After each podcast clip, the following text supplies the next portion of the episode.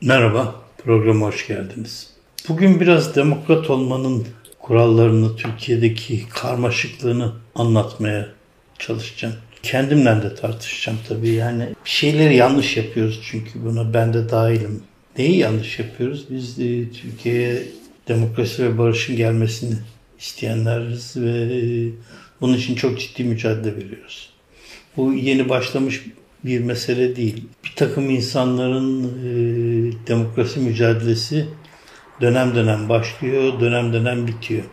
Nedir o dönem dönem başlayıp dönem dönem biten? Mutlaka birileri bir şekilde ya koalisyonla ya tek başlarına bir şekilde iktidara geliyorlar ve o dönemde demokrasi mücadeleleri bitiyor.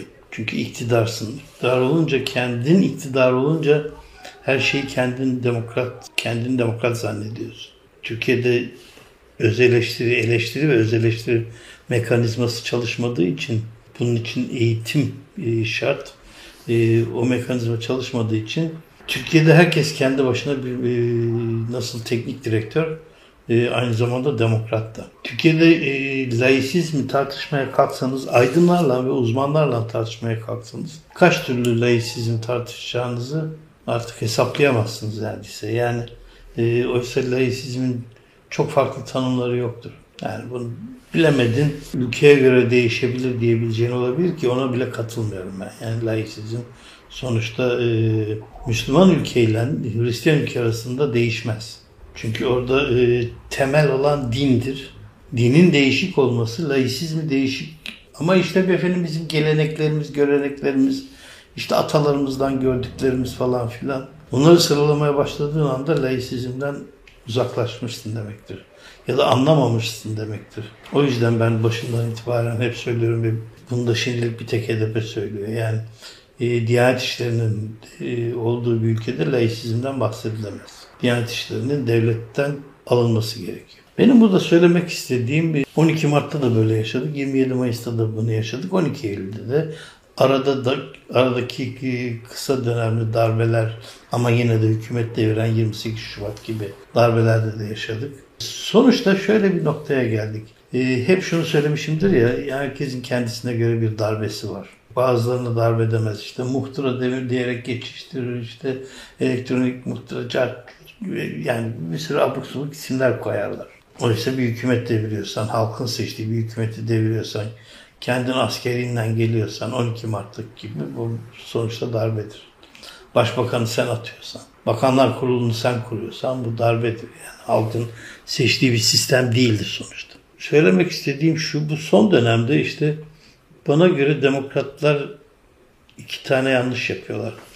Birincisinde bunu herkesi katarak e, söyleyeceğim. Yani CHP'lisinde, diğer partilerde, sosyalistlerinde bir kısmında dahil olmak üzere hedefin tek başına Erdoğan olduğunu görerek yapıyorlar. Erdoğan yerine Abdullah Gül devam etseydi, Erdoğan'ın Abdullah Gül'e harcaması yerine Abdullah Gül Erdoğan'a harcamış olsaydı bugün Türkiye çok farklı bir yerde mi olurdu? Hayır, hiç farklı bir yerde olmazdı. Abdullah Gül daha çok siyaset tandanslı olduğu için bence belki de daha da tehlikeli bir noktada olabilirdi. Erdoğan siyaset dışı bir adam mı? Hayır değil ama Erdoğan'ın hedefi başlangıç hedefi kasasını doldurmak olduğu için Erdoğan'ın dış siyasetiyle Erdoğan'ın iç siyasetiyle Abdullah Gül'ünki çok farklı. Ayrışma noktaları burada başlıyor zaten. Siyaseten Abdullah Gül'ü, Abdülatif Şenerleri falan o kesim Erdoğan'ı frenleyen bir kesimdi. Kendi siyasetlerinden hareket ettirme, etmesini sağlıyorlardı.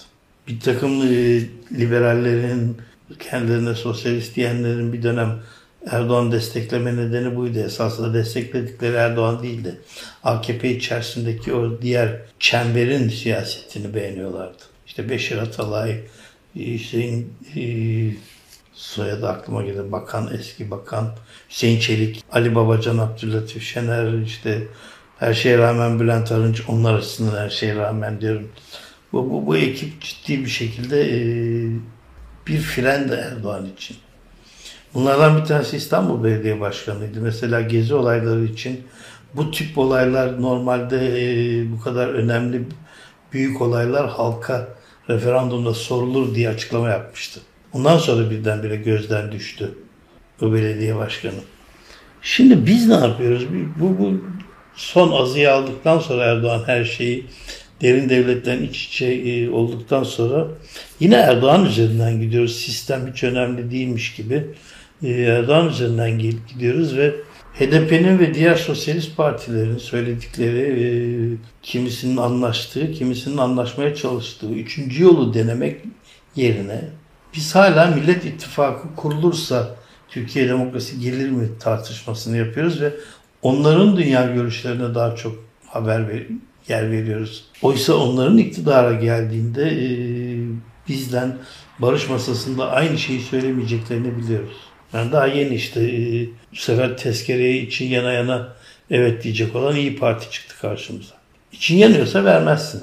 Demokrasiye inanıyorsan vermezsin. Ben demokrasiye inanıyorum ama millet bilmem ne falan filan dediğin anda demokrasiye inanmıyorsundur. O zaman benim de seni desteklemem için bir yani iktidara gelmen açısından desteklemem için e, bir neden kalmaz. Sonunda söyleyeceğim başka bir şey var çünkü başında ya da sonunda söyleyeceğim başından söyleyeyim. Bu, bu seçimde önemli olan Cumhurbaşkanlığı olarak bakılıyor, sistem olarak bakılmıyor. Ama diyelim ki yani iki, iki konuşmayla, on konuşmayla, yirmi yazıyla bunu değiştiremeyeceğime göre tartışmayı şu şekilde baştan yapmak gerektiğine inanıyorum ben. Biz sizi ancak Türkiye'nin demokrasi çıkarları açısından ve onun için ikinci tura kaldığınız anda Cumhurbaşkanınızı destekleriz. Bitti. Bu açıklamayı HDP yaptı mı yaptı. Çok net bir şekilde belirtti bunu. HDP diğer gruplarla da, Kürt e, partilerle, Kürt e, STK'larla, Türkiye ile e, diğer sosyalist partilerle ve sivil toplum örgütleriyle hepsi, hepsinden görüşerek bir ortak payda bulmaya çalışıyor.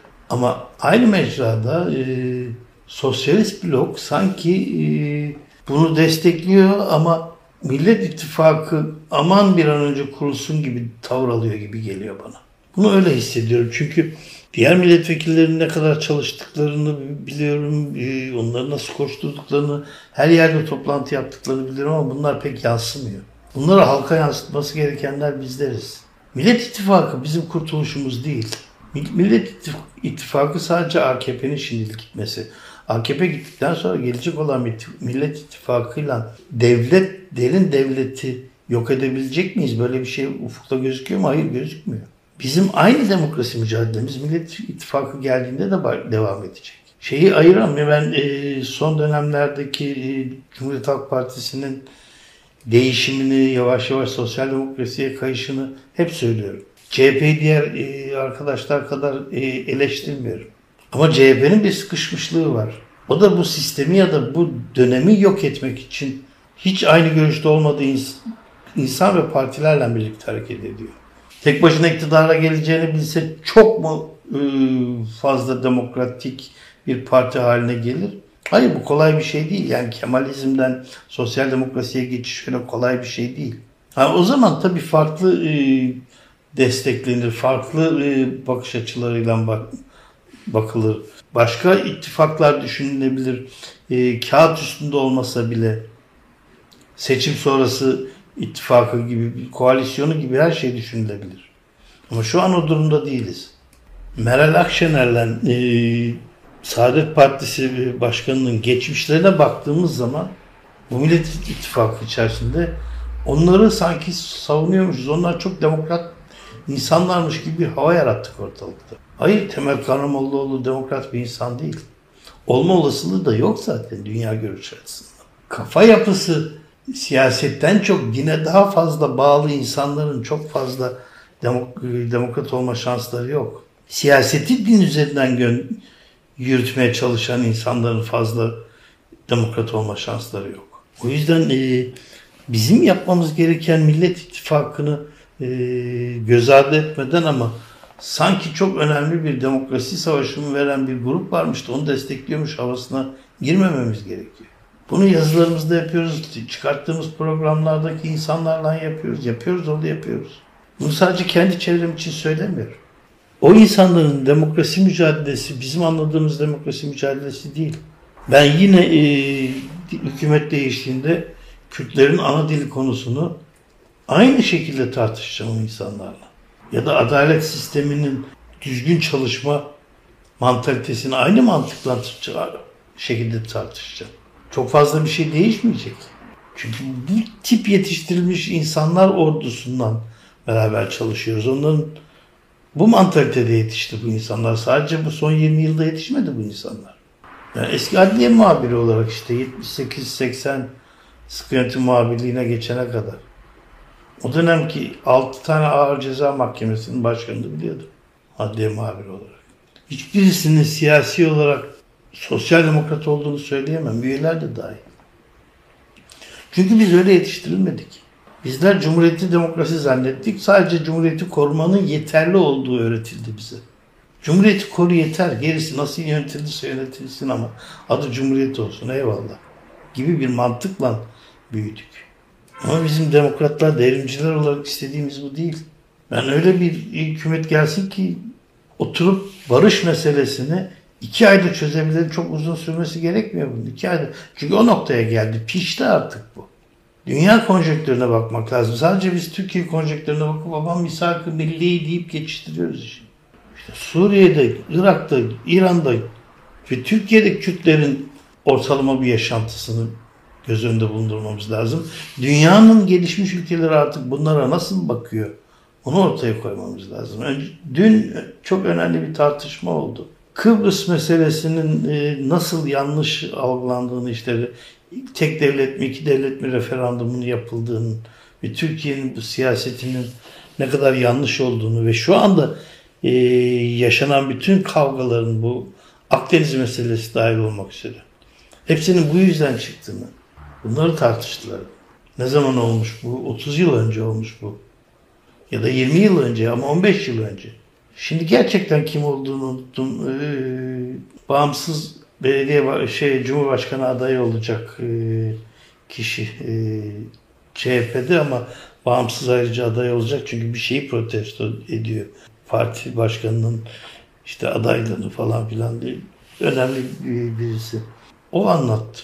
Onun söylediği çok önemli bir şey var dünkü top tartışmada. Baştan yaptığınız, hele uluslararası planda yaptığınız bir hatayı ileride yanlış yaptık diye değiştirebilmeniz çok kolay bir şey değil. Olan olmuş Kıbrıs iki devlet olmuş.